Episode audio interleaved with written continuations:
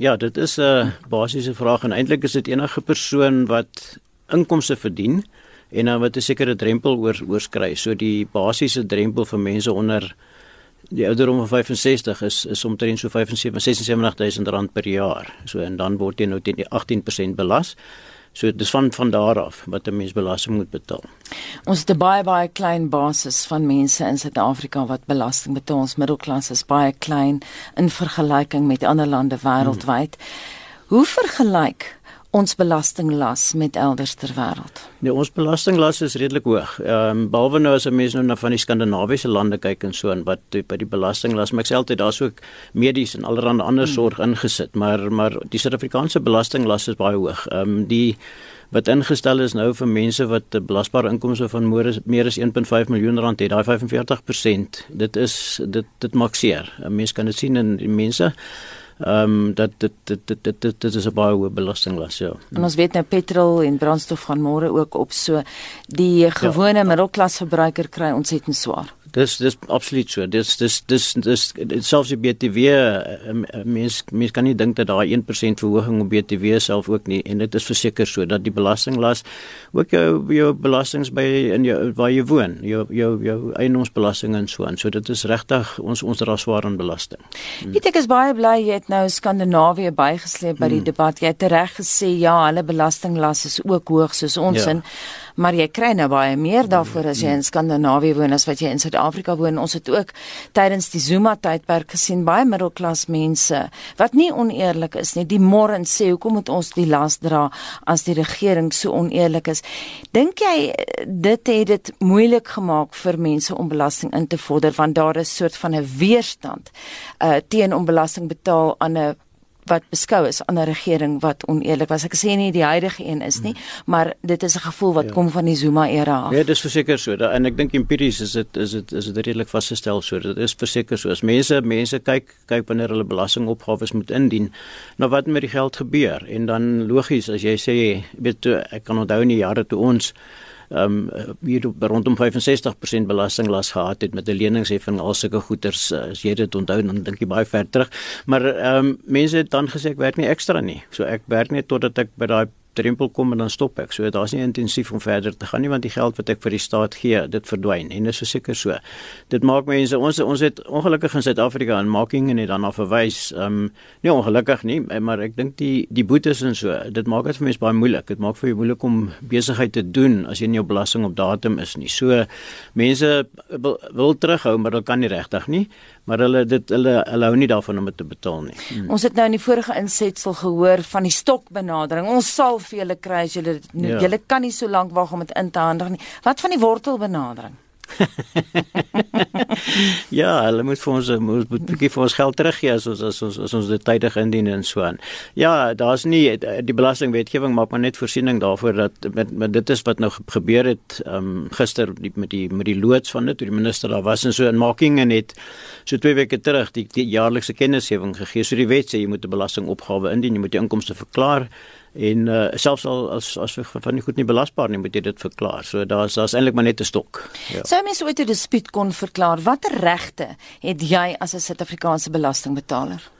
Ehm um, ja, dit gaan nou ek dink nie net so seer oor die dispuut self nie. So die die belast die regte wat ons het word basies uit die konstitusie gekom. So ons is oorhoofs geregtig op billike hantering. Want ek meen as 'n mens 'n belasting op jou hef, dis negatief. Veral as jy 'n opgawe indien en jy verklaar sekere goederes en hulle sit dan bykomende aanslaan nadat nadat hulle 'n bietjie ondersoek by jou gedoen het. So so ons is geregtig om om billik ehm um, en op 'n administratiewe grondslag te hanteer te word. En ongelukkig het dit in die laaste paar jaar onder onder die vorige kommissaris nie so gewerk nie. Ons is 'n bietjie die mense is bietjie onbillik aangeslaan. Daar's nie behoorlike navorsing weet ehm um, eintlik van die on, van van die amptenare se kant behoorlik uh, werk gedoen om te sê maar dit is regtig jy's nie geregtig daarop nie mediese koste is teruggetel en sulke goeder. So ons is ons is geregtig daarop ons geregtig daarop dat hulle die wet moet billik toepas en en reg toepas en en almal gelyk hanteer. Ehm um, wat baie keer lyk like, wat nie gebeur nie maar dit wat ons geregtig is op. Hmm. As jy pas by ons uh, aangesluit het ek praat vanoggend met Piet Nel, hy's hoof van die tegniese afdeling by die Suid-Afrikaanse Instituut vir Belasting Beroepslui. Ek wil ook net terugkom na wat jy gesê het. Ons praat nou ook oor belastingbetalers se regte, mm. watter insette hulle kan lewer en so aan kan hulle dispute verklaar, maar dit alles natuurlik ook binne die konteks van 'n groot gemors by Jan Tax. Ja, ek uh, dis ek dink wat ons as praktisyns ervaar en en ek ek ek ek sien 'n paar alternatiewe skuldbeslegting van die hofsaake betrokke. Dis uh daar daar's van van die kundigheid wat verlore is. Mense het regtig daar en en mense hulle ryke aanslag uit omdat hulle dink uh hulle verstaan die wet reg en hulle hulle hulle weet jy jy's nie geregtig op die ding nie of dit is nie vrygestel soos wat jy meen nie. Uh en dan eindig dit by dispuut op en eindig uiteindelik by die hof op en dan vra die mense vir jou dan hoekom is julle hier? Hoekom het julle nie uitgestel vroeër uitgesorteer nie? So dit is so seker so dat daar dat van die kundigheid weggegaan daar en ek dink dit is dalk nie ek weet nie algemeen dit is nie maar my ervaring sukkel mense met daai goeters en en dis die probleem en dit kom by die um, verslag van die ombud ook verlede jaar behalwe nou vir die terugbetalings en daai goed wat problematies problematies was sê sê hy dat ons kry nie baie ons kry nie baie goeie redes vir hoekom hulle ons op baie keer hanteer soos ons hanteer nie. So as miskien kan verduidelik. Ek doen my belastingopgawe en dis my plig ja. en ek verklaar my inkomste en uitgawes vir die jaar. Hulle kyk dan na, hulle vra moontlik vir ondersteunende dokumentasie en dan besluit hulle nee, jy het te min verklaar en ons ons reik op bykomende aanslag uit en hulle beboet my met 'n onderstellingsboete omdat ek dan nou my belasbare inkomste onderstel het. En daar kry ons op hierdie stadium 'n bietjie gebrek en dis wat hulle nou uit hierdie diens handves vir ons beloof dat dit beter sal wees. Om vir ons om vir ons by hulle sê daar om vir ons beter redes te gee, beter te kommunikeer en beter redes te gee vir die besluite wat hulle geneem het rakende my belastinggoeder. So dit dit dit het 'n bietjie mank gegaan in die verlede dat 'n mens nie daai goeie redes gehad nie. So jy kon die dispuut met moeite voer en jy vind eers later uit wat wat is die rede waarom hulle van die goeder teruggetel het en so. Wat is die heel grootste probleem wat jy in die praktyk sien op 'n daaglikse basis? Ek dink die die grootste probleem was was mense wat hulle terugbetalings nie gekry het nie en dat daar 'n soort van 'n vertraging was met met die ontvanger wat heeltemal binne sy magte optree om die goed te audit en dit dan bietjie vertraag, maar dan in dit het hulle nou vir ons gesê gaan baie beter werk.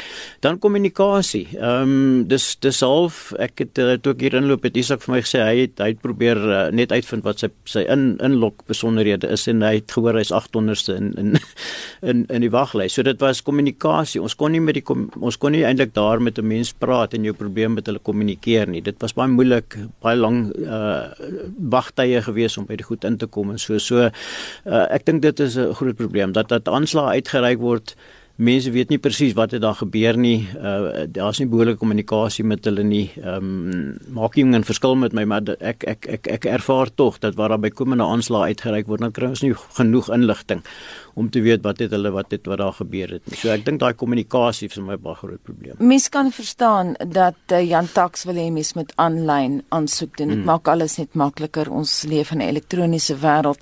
Maar dink jy dat die stelsel uiteindelik beter en vlotter sal verloop soos wat ons aangaan daarmee? Ek dink so. Van ek was nou betrokke van van dit hulle en ek dink dit is as ek reg onthou in 2006 begin het ons die beta weergawe vir hulle getoets.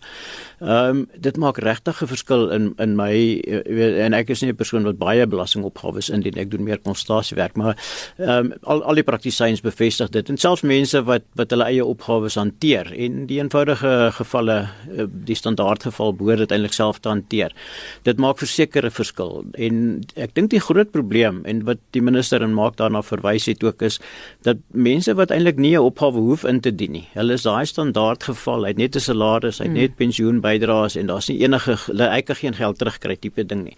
Ehm um, hulle gaan in en staan in die tou daar en, en ons praat van honderde duisende mense wat wat die kantoor besoek en ek meen hy het nou klaar gister gesê 8000 mense ja. het die kantoor besoek. So so dit is dit is uh, uh ja, ek meen dit dit veroorsaak 'n probleem. Hmm. Tot wanneer kan aanlyn belastings ingedien word? Ehm um, hulle dit nou vir vervroeg na die 31ste Oktober um, hierdie jaar toe. So dit is so 3 4 weke vroeër.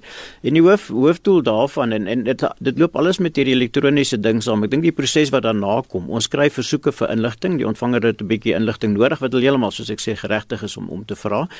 En en um, as ons dit ingee dan dan is ons as 'n mens tot einde November tyd het dan gebeur dit in die vakansieseisoen en dan is daar vertragings met die uitbetalings en so en dis dis een van die redes waarom hulle dit um, vervroeg het. Maar daar's ook aan ons uh, as praktisyns onderneming van hulle kant gegee om te sê maar ons ons sit hier onder meer druk om dit gouer in te kry. Maar ons gaan meer spesifiek wees met ons versoeke. In die verlede het jy 'n uh, 'n uh, versoek gekry vir jou belastingopgawe in is en sê jy stuur alles wat jy het. En en en dit was baie keer onmoontlik om al hierdie dokumentasie te stuur en ons nooit geweet wat die risiko is nie. Nou gaan hulle die risiko engine en dit het ons die onderneming gekry beter ingestel sodat hulle meer spesifiek vir my sê, maar ek wil weet van jou medies, ek wil weet van jou uitreding aan die tyd vir ons bydra of van jou reistoelae wat jy gehuis het en so. Hmm. Gepraat van medies, wat van mense wat ernstig siek is of in 'n koma is of wat ook en, en dalk kan hulle nie daardie inligting betyds kry by Jan Tax. Ja, jo, ek het eh, dis ek het baie onlangs 'n geval gehad van 'n persoon wat wat wat uh ehm um, en eh, eh, ek het byvoorbeeld een van 'n persoon wat oorlede is en daar was hy was in die proses met onderhandelinge eh, met die gee van inligting. Skielik is hy goed weg. Hy's in 'n ongeluk oorlede en van die mhm. dokumentasie is weg. Dit is so ehm um, mens tipies nou per so 'n persoon is dan nou nie 'n kurator atleet of iemand aangestel is om na die persoon se sake te kyk nie dan uh Ja, dit raak 'n probleem. Jy sal moet jy sal moet iemand aanstel om dit goed te kry en as die dokumentasie nie daar is nie, dan is die wet maak voorsiening dat 'n mens eintlik dan op 'n geskatte aanslag kan uitkom maar dit dit bly moeilik. Ehm um, mense moet maar probeer om die dokumentasie beskikbaar. Ek dink eintlik 'n goeie advies aan enige persoon en ek, ek praat vir myself. Mense dien die opgawe en jy weet ek het daai daai kwitansie en nou kry ek die versoek en dan sien ek oorskielik nou is dit 'n soektog. Mense moet seker mm. maak dat wanneer jy die opgawe indien, jy eintlik jouself in 'n posisie stel om daai daai vraag onmiddellik te kan antwoord. En dan is dit dan is dit maklik. So dan eh, ek sê nie dit gaan help vir die mense wat siek is en so nie. Maar uh, ja, dit is 'n probleem. Ou ja, administrasie en orde. Ou ja, administrasie en orde daarvoor Piet, het jy enige ander praktiese raad vir ons luisteraars volgend? Ja, ek ek dink uit 'n praktiese oogpunt, ehm um, as 'n mens eenvoudige geval is en en kyk die basiese opgawe indiening is vir 350 000 en meer vir jaarlikse inkomste wat dan nou uh of waar daar meerdere inkomste of 'n besigheidsinkomste is. Ek dink ons ons kan as individue dit self hanteer. Jy kan die belastingopgawe self indien en as dit vir jou vreemd lyk as jy dan 'n aanslag kry vir navraag kry, is dit dalk sinvol om na, na professionele hulp te kry. Maar ons wet is so ingewikkeld, ehm um, dat die moment wat jy 'n besigheidspersoon is, die moment wat jy ekstra inkomste het, vryskut werk en die klas van goederes aftrekkings wil maak en so ehm um, selfs net reistoela, mense met gestremde kinders en en die goederes dan dink ek 'n mens moet so 'n bietjie professionele hulp kry um, of dis aan te beveel om professionele hulp te kry 'n bietjie of dan baie navorsing doen. Daar's redelik inligting op die ontvanger se webblad beskikbaar. Ehm um, hulle gidse oor die goeters en en iets ja, mens sien dat die mense lees nie die goed nie en dan kry hulle goed verkeerd en dan is dit 'n probleem. So. Hmm. Weet jy sê nou die wet is so ingewikkeld. Het jy kritiek op die manier wat ons belastingwet saamgestel is? Dit kyk dit maak vir my geld. of dis my brood en botter as hoe, hoe ingewikkelder die wet is, hoe meer geld kan ek hoe, hoe maak. ja, ek ek ek dink tog ons het en daar was daar was op 'n stadium 'n uh, redelike uh, ek dink hulle het met hierdie Broombrug gesels, 'n baie baie prominente belastingkenner in Suid-Afrika om om die wet te herskryf. Nou ek het ek het byvoorbeeld nou konsultasiewerk in Nieu-Seeland gedoen. En weer vir iemand wat wat Engels uh ook maar net in selfverdediging gesels, kan ek daai wet verstaan en hulle verduidelik vir my. So ehm um, hulle hulle maak moeilike konsepte baie eenvoudig. Nou hulle wet hardloop hier na 1500 bladsye toe en ons in 'n uh, hardloop nou hier maar 800 toe, maar dit is dit is so ja. So uh mens Ek dink daar's daar's daar's veel te sê vir jy kan nie wanneer ons met ingewikkelde goed werk, ehm um, die wet eenvoudig skryf nie. So so daar is daar is tog te sê dat dit ehm um, dat daar ehm um, 'n rede is waarom die wet so ingewikkeld is, maar vir die algemene persoon is die wet eintlik eenvoudig. Ehm um, dit wat jou jou gewone salaris trek reg en so. Ja. Maar so geen spesifieke gebreke aan die wet nie. Iets wat jy sou verander as jy hom sou kon skryf nie jy weet men behalwe om te sê dat daar moet nie 'n wet wees wat ons belas nie nê. Ehm nee. nee. ons werk daartoe. Kan jy nie ja, sien hoe die onderhoud gaan ja. nie. ja, ek gee my genoeg tyd. Ek meen daar was ek dink daar was voorstelle gemaak om te sê stel 'n selle belasting van 9% op almal in op hulle bruto inkomste en dan teen 'n belastingwet nodig nie. Uh ons ons maak en ons maak voortdurend voorleggings um, om om die wet gewysig te kry. Daar's goed waar ons nou oor gesels. Daar's ingewikkelde goed herstruktureringstransaksies en so wat verlede jaar ingebring is. Um, dividendstroopings goed waar die wet te ver gaan. So ons maak ons maak voorleggings om die wet vereenvoudig te kry. Maar as 'n reël dink ek ons wat in belasting al met 'n tydjie is, verstaan die wet en ons kan dit interpreteer en so aan en al bly dit is daar grys goed wat oorbly wil mense nie regtig daar te veel aan verander nie. Ek meen die Amerikaanse wetgewing is is nog meer skrikwekkend en die Engelse wetgewing is is nou besig om nog skrikwekkender moeiliker te word. So ja, dis maar dit is maar dis maar the nature of the beast dink ek. Die goeters is maar moeilik. Om te sê miskien daai uh, sperdatum weer herhaal, dis 31 Oktober. Ja, so miskien daar's drie sperdatums eintlik. So mense wat die goeters eintlik per pos wil indien. So hulle hulle sê nou as jy dit per hand indien, moet dit al reeds hier in September indien. En dan is dit mense wat elektronies indien die 31 Oktober, ehm um, en dan voorlopige belastingpligtiges wat dan tipies mense is wat meer as net salarisinkomste het. Hulle tot 31 Januarie volgende jaar om die opgawes in te dien. Baie dankie en daai praktiese raad kom van die hoof van uh, tegniese die tegniese afdeling by die Suid-Afrikaanse Instituut vir Belasting Beroepslui Piet Nel. Baie dankie dat jy kom saamgesels het. Dit was my plesier. Baie dankie dat ek hier kon praat.